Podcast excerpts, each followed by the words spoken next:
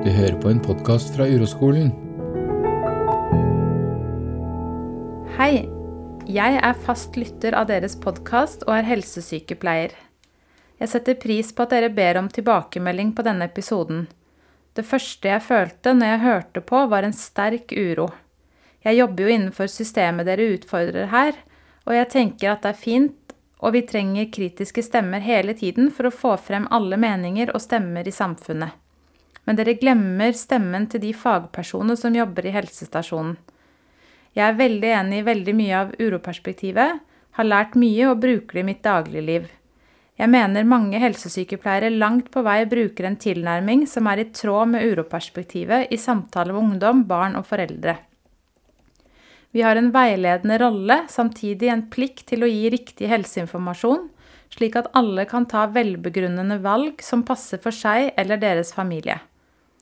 I dagens samfunn tenker jeg at det er enda mer viktig enn før å ha gode, lydhøre fagpersoner å diskutere sin uro med, f.eks.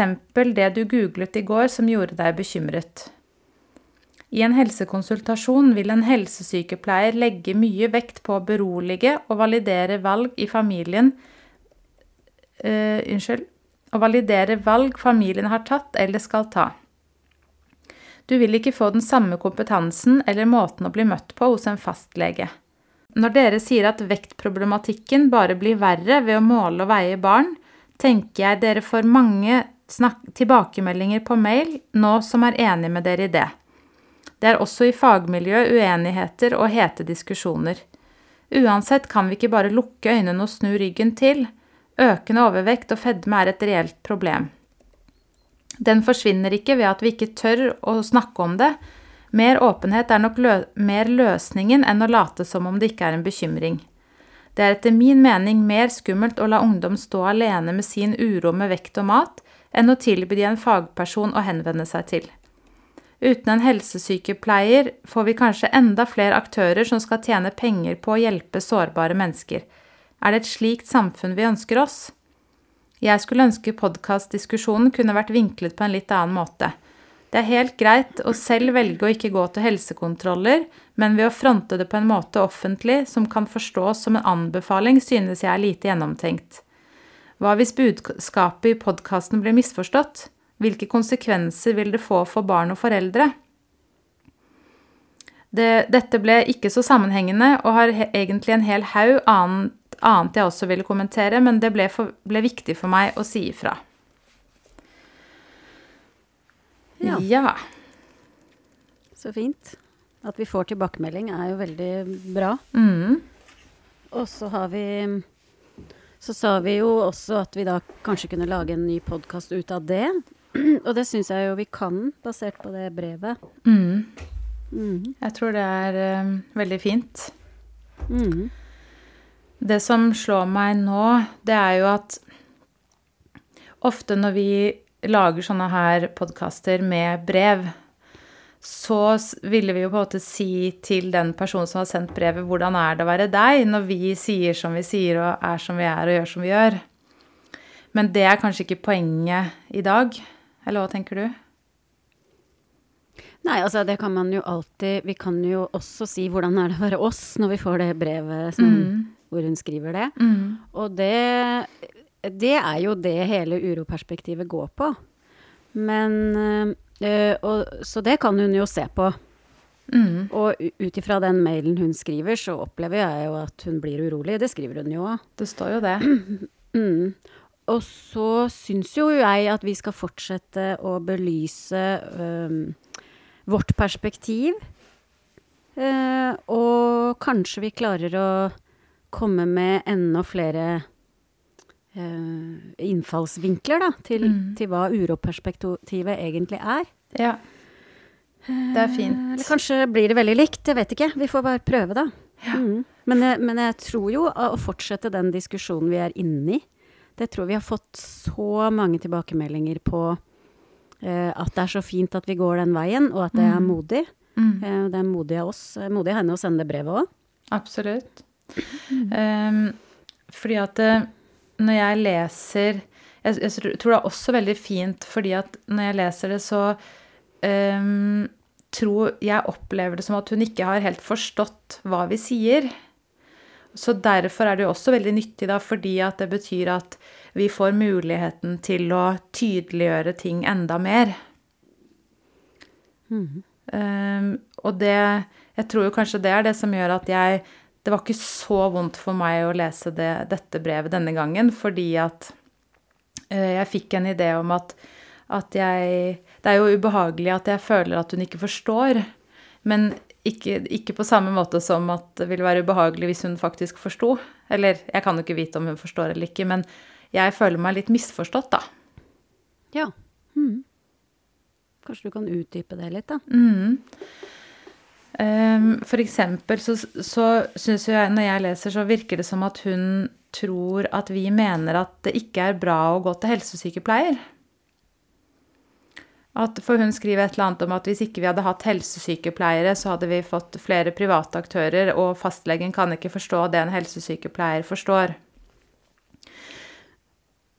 Uh, og jeg tror jo at det er kjempefint jeg, for ungdom å kunne komme til en person som er trygg, kanskje til en person som ikke er deres foreldre, eh, og som ikke nødvendigvis er redd eller urolig for akkurat den ungdommen, liksom. Eh, og det at de faktisk kan komme dit og få snakke med en voksen person, det tror jeg jo er veldig, veldig bra for ungdom.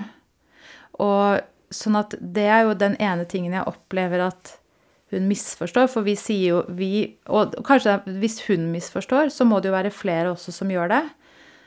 Så vi sier jo absolutt ikke at vi syns at vi skal fjerne helsesykepleiere. Så Men det vi kritiserte, eller, eller prøver å belyse, er jo kanskje bare i den forrige podkasten om vekt og, og kontroll, da det er jo bare akkurat den, den biten av, av, av, det som er å bli veid og målt. Ja, jeg veit ikke helt det, Rikke. Ok. Fordi hun sier hun, hun sier at eh, hun opplever at mange helsesykepleiere eh, langt på vei bruker uroperspektiv. Mm. Uh, og det uh, vet ikke jeg noen ting om. Jeg har jo ikke vært på helsesykepleier siden ungene var små. Mm. Men jeg ser jo det at i vårt samfunn, så, og, i, også, og det vi har sett da, og vet om disse utdannelsene innenfor psykisk helse, enten det er uh, det ene eller det andre, så er det ikke noe der som tilsier at det har et uroperspektiv. Mm. Og det er ikke sånn at det bare er uroperspektivet som er det rette, men når hun i den setningen skriver at 'jeg opplever at helsesykepleiere har uroperspektivet langt på vei', og så i samme eller neste setning så sier hun 'men vi har en plikt til å informere om eh, om helseinformasjon'. Om riktig helseinformasjon, eller noe sånt. Mm. Og allerede der så er du jo vekk fra uroperspektivet. Mm. Sant? Det er, liksom, det, det er liksom mitt hovedpoeng her, er at hele Hele dette systemet som vi har lagt opp, eh, er lagt opp til at noe er riktig og galt. At noe helseinformasjon er riktig eller galt. Og det er jo ikke sånn at vi ikke er enig i at det er, eh, at det er mye som er lurt å gjøre og sånn. Men, og, og, og, ordet plikt, ikke sant. Mm. Og med en gang så blir det her noe du gjør som er enten feil eller riktig. Mm. Sånn jeg ser det, da. Mm. Men øh, når du sier det der at uh, uroperspektivet er det er ingenting rett eller feil um, Hvis det kommer en ungdom til en helsesykepleier da, som f.eks. er overvektig, og, og forteller om at de syns det er vanskelig og sånn, så har jo da helsesykepleier en, en plikt til å, til å si f.eks. at uh, fruktnøtt er ikke frukt og nøtter, det er sjokolade, og det er bedre at du spiser eple enn fruktnøtt, liksom. Uh, jeg vet ikke om, De har sikkert ikke en plikt til å si akkurat det, men de har jo på en måte en plikt til å, til å opplyse om at det er faktisk farlig å være overvektig, og, og, og så videre, da. Og så Men og hva mener du når du da sier at det er ikke uroperspektivet? Hva ville vært uroperspektivet da? Jeg tenker at uroperspektivet ville jo vært å spørre denne ungdommen hvordan er det å være deg når du tror på den tanken at du er feil? Ikke sant? For det er jo det vi sier, at overvekt er feil. Og, og hjelper det oss noe å holde på den tanken? Og hjelper det oss nå å fortelle at fruktnøtt ikke er frukt og nøtt? Altså det er ikke sånn at vi ikke skal ha kunnskap i samfunnet vårt. Ikke sant? Mm. jeg jeg er veldig glad i å lese om masse forskjellige altså, vinkler, vinkling og, og, og forskning og alt mulig sånt. Men, det men når det kommer et, en ungdom som er lei seg, eller ikke har det godt, da, s- og bli møtt på eh, det at du må egentlig ta deg sammen litt. Mm. Er, hjelper det noen ting? Sånn vi har det i samfunnet vårt. Det ser ikke sånn ut, da. Mens hvis du spør Kjære deg som er 14 år og har det veldig vondt og føler at kroppen er feil og, og um, Hvordan er det å være deg? Kan du være med det? Og kan jeg som fagperson være med det? Hvordan er det å la en ungdom være som han er, og ikke, og ikke skulle si det du har plikt til da, å si, eh, i, i anførselstegn. Hvordan er det å ikke gjøre det? Og det er klart at da vil jo sikkert hun si at det kan jeg ikke, gjøre, fordi at det er min plikt. Og hvis jeg ikke gjør det, så eh, kan jeg miste jobben min. For det er på en måte det er retningslinjer, eller ikke retningslinjer engang. For en, eh, hvis vi har plikt, så er det noe man er pålagt, da. Men Og det er jo andre ting også. Er, nå er vi jo inne på det med vekt igjen, men mm. det er jo mange andre ting som kommer inn der. Ikke sant? Om alt dette som er, eh, som er vanskelig i en ungdoms eh, og foreldre og småbarn og alts liv. Ikke sant? Eh, og, alt vi holder på med, og barneoppdragelse, eh, bøker som blir skrevet om hvordan du skal gjøre det. Alt dette her handler jo bare om at du skal gjøre noe annet enn det du gjør, og at du skal være noe annet enn det du er. Og jeg har ikke møtt noen hittil som spør hvordan er det å være deg. Men det er klart at det helt sikkert skjer. Det er jo ikke det vi mener heller, at det aldri skjer. Nei, altså, ja. det kan jo ikke vi vi Vi kan jo ikke vite. Nei. Og jeg tror jo Jeg kjenner jo flere som er helsesykepleiere som jeg i hvert fall vet er veldig fine, varme mennesker. Eh, og som jeg vil absolutt tro at det er godt å snakke med, da. Men, men ikke sant, så det er jo et av de punktene da, som jeg opplever at jeg tror nok Det høres ut som at hun blir veldig urolig og føler at vi sier at at hennes jobb ikke er viktig, eller at hun ikke gjør en god jobb, ikke sant? Og det, det vet jo vi ingenting om. Men Nei, og jeg husker jo vi hadde helsesykepleier eller helsesøster på skolen, og hun var jo Altså, bare det at hun var der, Mm. var jo en, en veldig eh, trygghet å ha. Du, Mm. Det var en du alltid kunne gå til. Og det, hun, og hun øhm, Hun øhm, tok deg alltid imot. Mm. Og det Altså jeg veit jo når jeg har vært på helsesykepleier, hos helsesykepleier med ungene, og når jeg har vært på sjukehus og uansett, altså den varmen de kommer med, Mm. bare det tenker jeg jo har jo, har jo en helende effekt, liksom. Mm. Så, så det er jo ikke det, og det er vanskelig å komme med kritikk når du vet at folk ikke hører det du egentlig sier, Mm. ikke sant? Og jeg kan jo Mm. forstå Det er jo som om noen skulle laga en podkast om at uh, uroskolen er så eh, det er så farlig å si at virkeligheten er, som, er perfekt som den er. ikke sant? Da hadde vi også sikkert blitt veldig urolig og følt at noen sa det er farlig å gå og snakke med Rikke. Eller Monica. Mm. Så jeg skjønner jo at det er vanskelig. Men, men Så det er klart at eh, helse, en helsesykepleier i, i seg selv er jo, som du sier, sikkert en veldig stor ressurs for mange ungdommer.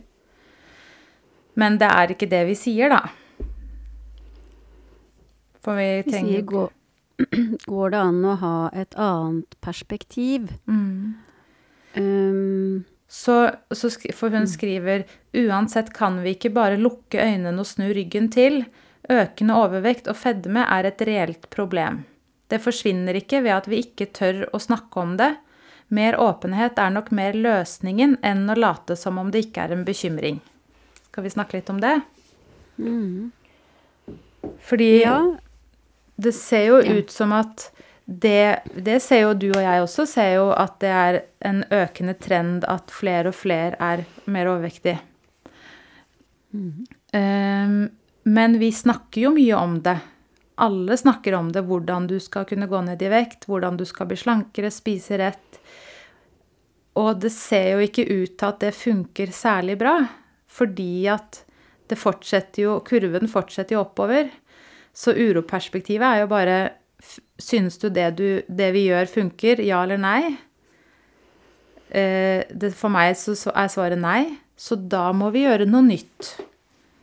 Noe nytt ville jo da f.eks. vært å ikke snakke om om det er rett eller feil å veie 60 eller 70 eller 90 kilo. Men noe nytt kunne jo f.eks. være, som du sa i stad, hvordan har du det, da?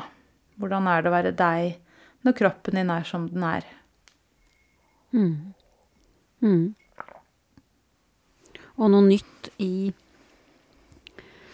eh, eh, Noe nytt i, i hele samfunnsstrukturen vår ville jo være å eh, kanskje ta vekk fokuset på akkurat det med vekt og overvekt. Fordi at, sånn som vi ser det, når du har fokus og oppmerksomheten på noe som er et problem, og du er veldig urolig for det problemet, så bare forsterker du det problemet. Istedenfor kan vi ta ansvar sjøl. Jeg har jo måttet ta ansvar for det sjøl. Hvordan er det å være meg når jeg ser overvektige?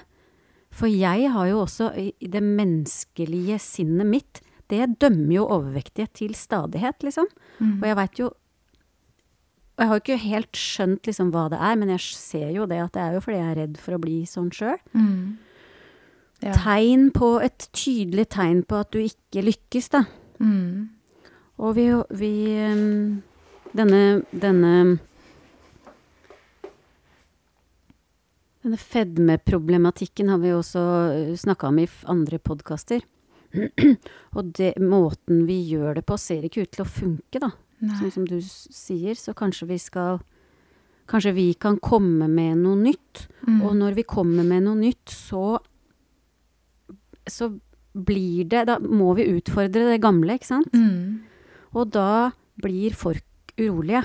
Ja, Eh, Både vi, men også mottakerne av, og lytterne av den podkasten her, da. ikke sant? Fordi at hun skriver jo at vi kan ikke bare lukke øynene. Og det, det syns jeg egentlig er Jeg tror det er mange som opplever når vi sier at man må romme uro. Man må stoppe opp og vende oppmerksomheten mot kroppen og romme uro. Så er det veldig fort å tro at det vi sier, er at man det, Og når du sier vi må ta vekk fokuset fra det med mat, da. så høres det ut som vi sier det at vi skal bare lukke øynene for det. Eller det er sikkert høres sånn ut for mange. Men, men sånn som vi ser det, da, så er det sånn at f.eks. det å ta gode valg med mat, eller, eller akseptere at man ikke kan ta gode valg, eller Det er en ressurs. Og den ressursen kommer man til når man kjenner kroppen sin og vender oppmerksomheten innover og rommer uroen sin, da.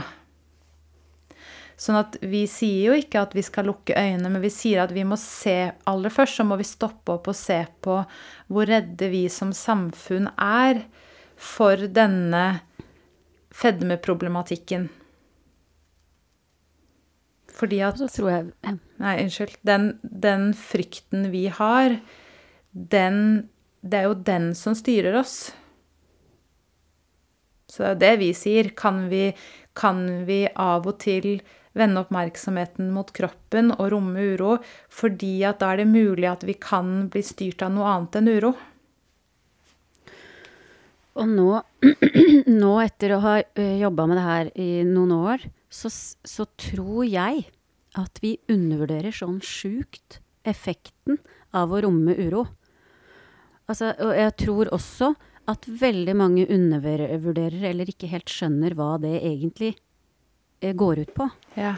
Fordi det er ikke en enkel oppgave. Det er ikke sånn at vi, eh, vi sier det heller. Men det er å stå eh, imot det som er konvensjonelt, og stoppe opp og kjenne etter hvordan er det å være meg.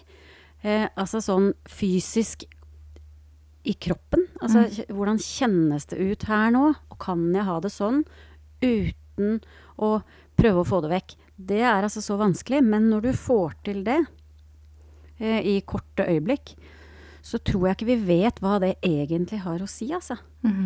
Et- Vi ser jo bare på folk som har vært på kurs hos oss, som har øvd på det en liten stund.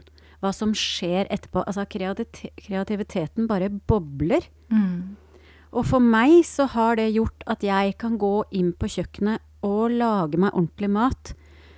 Eh, fordi, fordi jeg har vært så urolig rundt dette med mat. Men eh, nå kan jeg få tak i de ressursene som gjør at jeg har lyst til å lage mat, da, eller at jeg kan finne en glede i det, ikke sant. Um, og det, det samme er da når, når um, uh, Når foreldre kommer på helsekontroll og de snakker rundt mat eller vaksiner eller alt dette her, da, som vi har en plikt til å snakke om. Hvis vi hadde mer snakka om det, Kunnskapen er jo fint, men hvis vi også hadde snakka om hvordan er det å være deg, så kanskje man finner fram til Ja, jeg har Jeg har øh, Jeg orker ikke lage så mye mat. Jeg gir Nestlé-grøt til ungen min. Eller øh, jeg finner ut at jeg vil gjerne at øh, barnet mitt skal ha mat jeg lager sjøl, så jeg øh, dropper neslegrøt. Eller jeg gjør det innimellom. Ikke sant? Men at du kan finne fram til det i deg sjøl.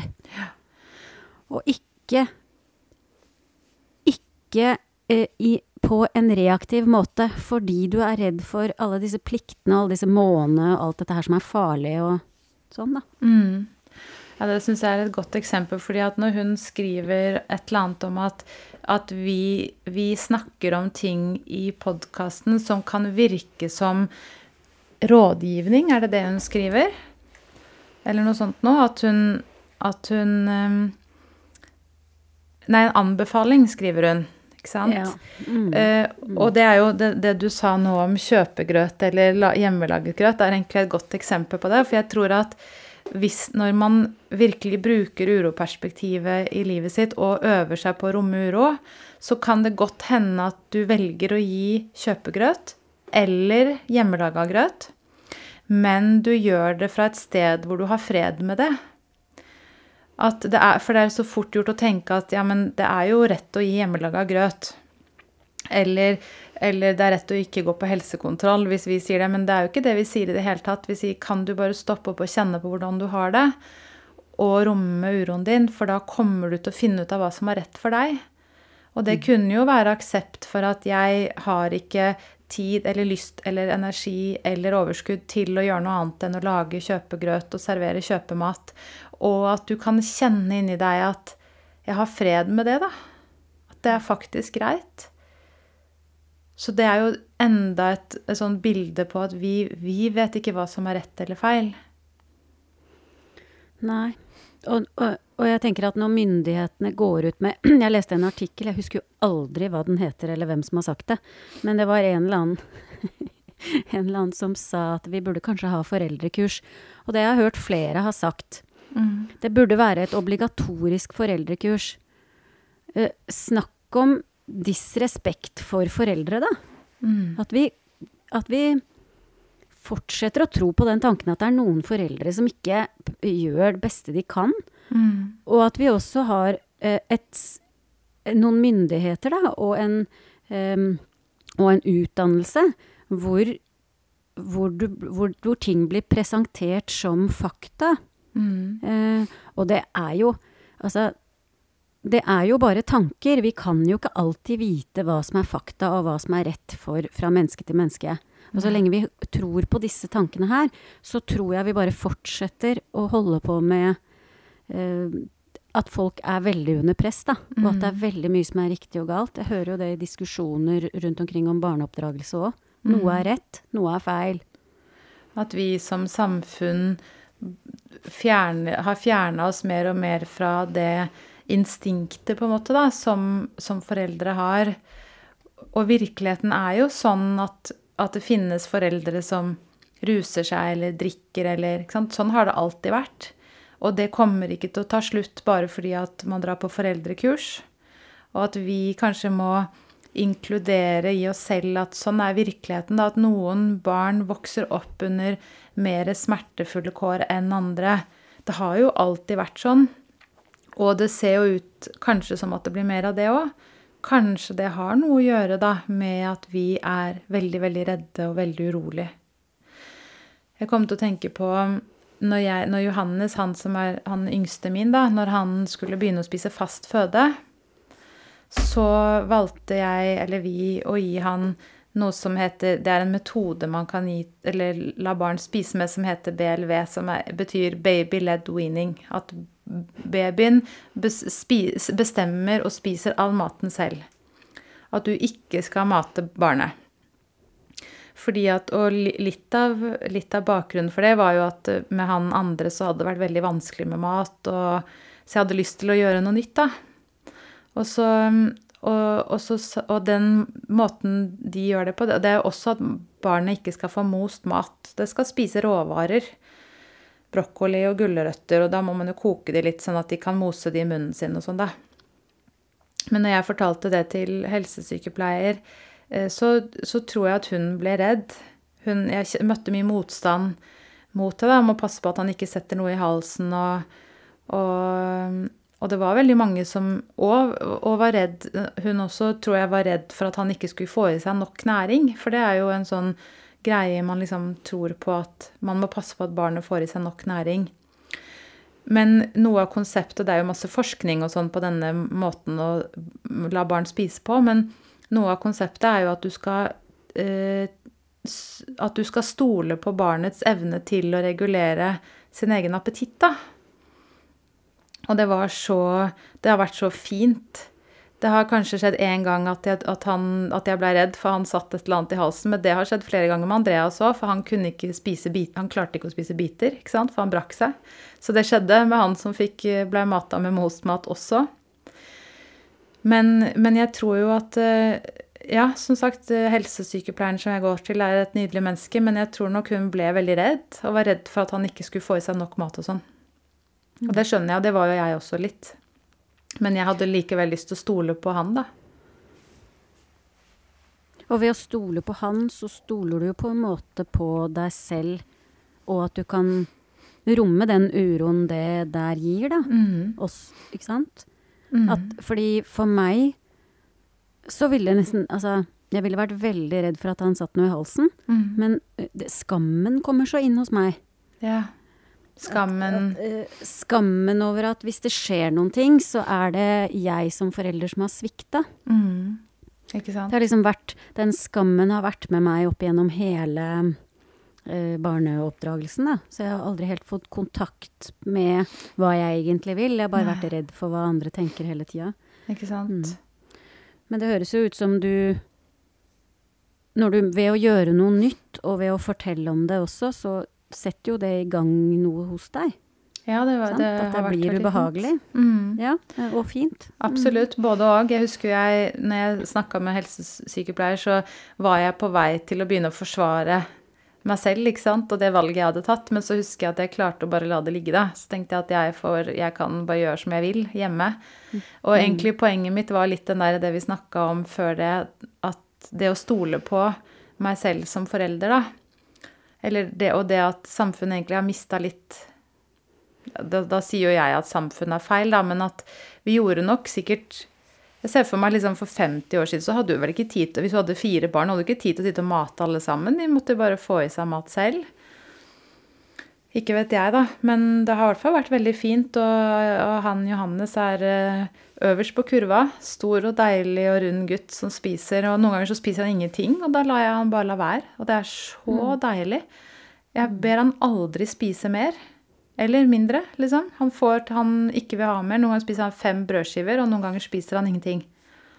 Det er så fint. Men det har jo gått gjennom, vært gjennom min uro, da. Eller Kom, mm. Mm. Så, så det å la Det å eh, Altså, det her er egentlig en, en eh, oppgave til de som jobber med barn, foreldre, oppdragelse der ute, da.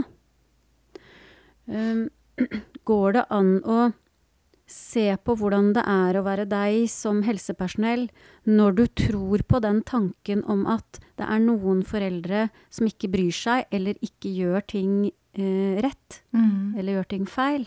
Mm. Hvordan er det å være deg da? For jeg har jo også vært der at jeg har ment Jeg mener f.eks. Eh, mye om de rundt meg, at de gjør ting feil. Mm. Så ser jeg jo at det er jo Det er jo fordi jeg er veldig, veldig urolig Mm. og redd for hva konsekvensene kan være da, av at foreldre er som de er. Ja. Eh, og det er, går jo diskusjoner hele tida, langt eh, nå også podkaster om at eh, vi foreldre, generasjonen i dag, er altfor lite strenge, og vi har ikke grenser, og vi klarer ikke å si nei og sånn. Mm. Så det er jo fint det, å si det, men, men det er jo fordi at vi ikke har kontakt med oss selv. Det er vanskelig Mm. å komme med alle disse rådene, og det er vanskelig å, å gjøre noe som helst. Man er under press. ja. Det er sant. Så det, når hun, når hun sier at uh, det er skummelt å la ungdom stå alene med sin uro Og det eh, er jo ikke i vår intensjon at det i det hele tatt skal skje. Vi vil jo veldig Altså, mitt høyeste ønske er jo å ta imot alle ungdom som kommer. Jeg elsker jo det. Mm. Men å ta det imot på en ny måte, kanskje? Ja. Ikke Mm. sant? Det er jo det som er fint med å Hvis det er en helsesykepleier som, som tåler ungdommens smerte, da, og det er det sikkert veldig mange som gjør, for, og det generelt helsepersonell har jo mye trening i å møte menneskers smerte, da. Så det er jo fint å oppklare det. At vi mener jo ikke at vi skal eliminere alle som ungdommen kan gå og snakke med. Tvert imot. Sette inn fler. Men, men at ungdommen kan bare komme dit og få lov til å være ungdom og få lov til å være lei seg, eller hva nå enn det er, da. Så i forlengelse av den oppgaven du ga, så tenker jeg at eh, helsepersonell som blir veldig irritert og trigga av å høre dette, sånn som meg, da, er jo sikkert en sånn mamma som eh, Som er veldig irriterende, og som er veldig vanskelig å forholde seg til. Hvis man mener at det er feil å gi mat, at barnet skal få lov til å spise selv, eller eh, ting vi har sagt her i podkasta. Så det kunne jo være en oppgave å fortsette å høre på oss, da. Og kjenne på din egen uro når vi Når vi snakker om at vi kanskje kan ønske å gjøre ting på en annen måte, da. Og eh, vi har jo fått eh, tilbud eh, Vi har jo fått henvendelser om å lage kurs for helsepersonell. Mm. Og jeg tenker jo det hadde vært uh, veldig fint, da. Mm. Hvis helsepersonell kan komme til oss på kurs for å lære hvordan du kan romme uro. Hvordan, hvordan er det å være deg i møte med alt, alle barna, alle foreldrene? Og hvordan er det uh, Hvordan er det man gjør det her i praksis, ikke sant? Mm. Og i ditt eget liv, ikke minst. Så Ikke det sant? er jo på trappene, et, et sånt kurs etter hvert. Ja. Men det er bare å henvende seg til oss. Mm. Eh, Men eh, jeg har lyst til å ta for oss en ting til. Fordi hun Mm. skriver jo Jeg skulle ønske diskusjonen kunne vært vinklet på en annen måte. Det er helt greit å selv velge å ikke gå til helsekontroller, men ved å fronte det på en måte offentlig som kan forstås som en anbefaling, synes jeg er lite gjennomtenkt. Hva hvis eh, budskapet i podkasten blir misforstått? Hvilke konsekvenser vil det ha for barn og foreldre? Skal vi snakke litt om det? Mm, det snakka vi vel litt om i en av de andre eh, seriedelene òg. Det gjorde vi, men hun har jo sendt dette brevet etter den siste delen, så det er jo tydelig at vi kan snakke mer om det, da. Har du lyst til å si noe om det? Altså Det er jo igjen den frykten for i, som vi har i samfunnet vårt. Den uh, samfunnsplikten vi har. Og jeg også skjønner at uh, i et samfunn så må det være en del lover og regler. Hvis ikke så blir det jo helt chaos. Mm. Jeg kan levende se for meg hvis vi ikke har noen ting. Alle skal bare gjøre som de vil. Men å pålegge foreldre et så stort press som eh, en samfunnsplikt blir, da, Mm. det eh, blir opp å bare nøste nøste oppunder den skammen jeg hele tida har følt. Sånn? Jeg har følt en skam, og jeg har følt en eh, Hvis jeg ikke gjør de riktige tingene for samfunnet. Sant? Mm. Um, og det denne plikten gjør, er at foreldre ikke får kontakt med sine ressurser. Det snakka vi jo litt om i stad. Og når du ikke har det, når du bare gjør ting fordi du tror at du må, tro på denne tanken om at det er en plikt og sånn, så får du jo ikke kontakt med hva du egentlig vil, eller hva som er best for deg eller barnet. Og derfor vil jo da du og barnet ikke få eh, tilgang til intelligens og humor og alt det der vi sier, da. Ikke sant? Det som Mm. jeg føler at har kommet fram i meg etter all denne tiden på uroskolen. Mm.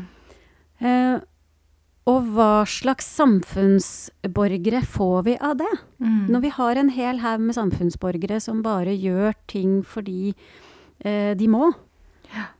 Det lurer jeg på. Er det, et, er det et samfunn vi skal ha? Altså, du kan jo si det sånn at det vi har holdt på med hittil, har jo gjort at vi har det sånn vi har det nå. Mm. Og det er jo bare både bra og dårlig, det. Men for barna våre, ungdommene våre, ser det ikke ut som om det akkurat går riktig veien, da, sånn jeg ser det. Nei. Men, men For hun sier jo at det er greit å ikke gå på helsekontroll, men det hun sier er jo ikke snakke om det på podkast, fordi det kan bli misforstått. Så Mm. hva skal vi si om det? Ja, da kan du igjen spørre hvordan er det å være deg, da? Mm. Når, når du blir redd Mm. for noe som er eh, annerledes enn det eh, vi har lært. Mm. Hvordan er det å være deg når du hører noe som er nytt, eh, og som du blir urolig av, som hun sier? Kan du vende deg mot det? Mm. Fordi at nå er du jo oppi tanken og tror på at dette er farlig. Mm. Og det er jo bare en tanke. Vi kan ikke vite Altså, tanker er jo ikke virkelighet. Mm. Så det som er virkeligheten akkurat når hun hører det, er jo det at det er ubehagelig, og hun er redd. Mm. Um, hun er redd for hvilke konsekvenser det vil få for barn og foreldre. Og Mm. det kan vi ikke vite noe om. Kanskje det, de konsekvensene eh, er um, noe helt annet. Mm. Kanskje det blir mye lettere å være barn og foreldre. Det har vært, blitt lettere å være oss. Det har blitt mye lettere å være mine barn. Mm. Ikke sant? Med å, å, når, jeg, når jeg øver meg på et nytt perspektiv. Mm. Det her får meg til å tenke på den diskusjonen som har vært oppe i, i media nå, hvor det var noen influensere som har anbefalt å lage grøten selv, hjemmelaga grøt. Og så er det noen fagpersoner som går ut og, og sier at det er farlig at de anbefaler det, fordi at det kan være at barn ikke får i seg den næringen de trenger, da. Og den får de hvis de kjøper, lager kjøpegrøt. Og så tenker jeg bare at, at det egentlig er det litt det samme. ikke sant? At eh, vi Så det betyr i, i den diskusjonen, da, eller i det spørsmålet hun stiller, det betyr at du må for all del ikke si det som er sant for deg, høyt. Du får, le, du får lov til å leve det i ditt eget lille liv, men ikke si det høyt. Ikke skriv på Instagram at du syns det er lurt å lage havregrøt fra bunn. Fordi at det kan ha konsekvenser for noen barn som blir underernært fordi du har lagt ut feil oppskrift. Det er jo ganske heftig greier vi har gått i gang med, liksom. Mm. Det handler bare om at vi er redde, da. Og vi er redde for å gjøre noe feil. Og når man får med seg alt i media, så er det så lett å gå rett inn i De kan ikke være sånn som de er. De må slutte å mene og si det de mener. Det var Monica Rikke også. Ja. Mm. Mm. Og kunnskap er eh, viktig, eh, men det går an å Det går an å finne fram til kunnskap i seg selv også, på et vis, ikke sant? Mm. Det er ikke sånn at det er noe som er det eneste rette her heller. Så Så, og så er det kanskje sånn at vi snakker jo ofte om at ehm, det, livet består jo av eh, ulike valg. Noen ganger så opplever du at du kan ta et valg. Noen andre ganger så tar du jo bare valg, ikke sant? Det bare skjer helt automatisk. Men uansett hvilken retning du går, da, så har det valget konsekvenser. Og vi har tatt et valg som er å lage podkast. Og det valget vi har tatt, det har konsekvenser. Og det, for hun skriver hva hvis det har konsekvenser for Eller hva er det hun skriver da? Ehm, hvis det blir misforstått, hvilke konsekvenser vil det få for barn og foreldre? Så er det jo kanskje sånn at vi også må ta sjansen, da. For vi, vi, vi kjenner jo mange barn og foreldre det har hatt positive konsekvenser for, inkludert oss selv. Men noe av det vi holder på med, er også å si ok, så vi får ta sjansen på å si det vi mener. Og vi får ta konsekvensen av det, som å få kritikk, eller hva enn det som skulle komme, da. Og det er jo veldig ubehagelig, men det er nå konsekvenser av det valget vi har tatt, da. Og det kan vi møte og bruke til noe og lære noe av, og øve oss på å romme det, da, når det kommer. mm. Det hender jo jeg våkner om natta etter noen av disse podkastene vi har lagt ut, og bare Altså, jeg våkner av en sånn uro som er så Altså, det er helt Det er noen ganger helt rått, liksom. Vondt. Og som jeg ikke klarer å Jeg er helt i ørska, og det bare hamrer i brystet, og jeg har vondt i hele kroppen. Det føles nesten som jeg skal dø. Ja, ikke sant? Altså, det, er ikke, det er ikke sånn at jeg eh, tenker da 'å, herlig, dette har jeg lyst til å ha'. Nei. Men, eh, men eh, så når vi går, når jeg går ut med det her igjen, da, i hvert fall når jeg begynner å si det om utdannelse og sånn, veit jeg jo at det kommer til å komme tilbake. Mm. Og så jeg kom til å tenke på Jeg har noen som går til meg som jobber med pasienter som, som på en måte er mellom liv og død på et vis, da. Og, og det er flere av de som mange ganger lurer på om de skal slutte i jobben sin fordi at de er så redd for konsekvensene hvis noen skulle dø. Det er jo litt sånn det samme, ikke sant? At til og med når du er lege, forsikrer deg om at ingenting skal gå gærent, så kan det skje at noen dør. Og at på en måte er det konsekvensen av å bevege seg i livet, da. Det er at du kan Altså, du, vi kan kjøre på noen, liksom. Jeg kan kjøre på noen etterpå. Noen som dør. Tenk det, da. Men at det har konsekvenser å være menneske, liksom. Og det har konsekvenser av å, av å bevege seg fritt i livet.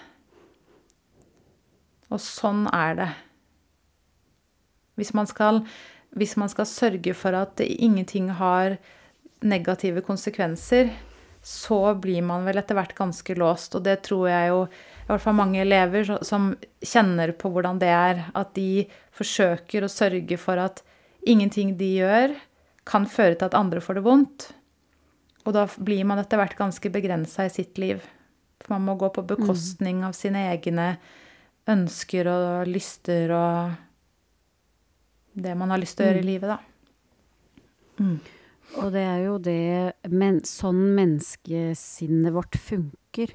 At vi vil Det det er autopiloten, er å skulle sørge for at ingen, eh, inkludert meg selv, ikke har det vondt. På en eller annen måte, ikke sant? Mm. Så å å gå imot det krever jo ganske mye, da. Ikke sant? Um, Men uh, man kan jo starte nå, da. Man kan starte nå. Det er helt sant. Jeg hadde bare lyst til å Uh, avslutningsvis lese opp et brev fra en som går i kvinnegruppa mi, som, som var med eh, på den diskusjonen som egentlig starta alt dette her. Fordi at eh, når vi hadde denne første diskusjonen hvor hun som var lege, var så urolig, så er det en annen da som sier jeg så jeg skal dra på kontroll bare fordi jeg har et samfunnsansvar, og så sier denne personen her sånn Ja, det skal du. Det syns jeg absolutt du skal. Eh, så, svar, så har hun sendt meg en mail, og så skriver hun ehm, Jeg hørte podkasten til deg og Monica og synes dere er så modige som er så åpne og byr på deres sårbarhet. Både gruppen og podkasten har, har fått meg til å se at jeg mener veldig mye om mange ting. Jeg har ment masse om vaksinemotstandere, helt til jeg hørte podden deres og måtte le litt av meg selv, fordi jeg er jo også bare redd. Og når jeg mener veldig mye, så er det jo tegn på at jeg er ekstra redd. Så jeg mente overhodet ikke det jeg sa, du, at du bør dra på kontroll grunnet andre. Det var redselen min som pratet da, så unnskyld. Det er godt å bli kjent med denne uroen, og også litt flaut når jeg forstår hvor mye jeg har latt den farge livet mitt. Så fint. Mm. Da kan vi avslutte med det. Ja. Jo, så må vi bare si en ting på slutten, og det er at vi har et foredrag eh, om urolige barn eh, og Mm. foreldre som skal være på Sankthanshaugen 29.11.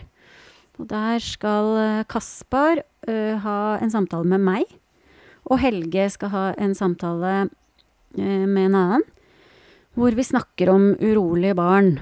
Um, og så uh, Og påmelding til det foredraget, det er, der er det ikke Det er begrensa plasser, så det er lurt å være litt tidlig ute. Det koster 200 kroner, og så kan mm. du melde deg på på hjemmesiden vår. Og så har Helge lagt opp et familiekurs i desember, eh, som han kan melde seg på allerede nå. Og da tenker jeg at eh, han har skrevet 'familiekurs', parentes og, og jul. For vi snakka om det. Jeg tenker at det er mye nå. Nå har julemaset allerede starta.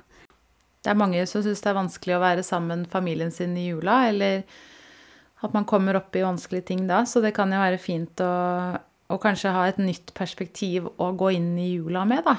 Og det vil du antageligvis få på dette kurset, da. Jeg er ganske sikker, men eh, Ja, det er så, du er så fint, for du Mm. får sånne oppgaver som både er store og små. Så ha noen oppgaver, og Mm. hvordan du kan liksom ha et sånt uh, fugle, fugleuroperspektiv på jula og familien, det tror jeg hadde vært veldig nyttig for mange. All info på hjemmesiden.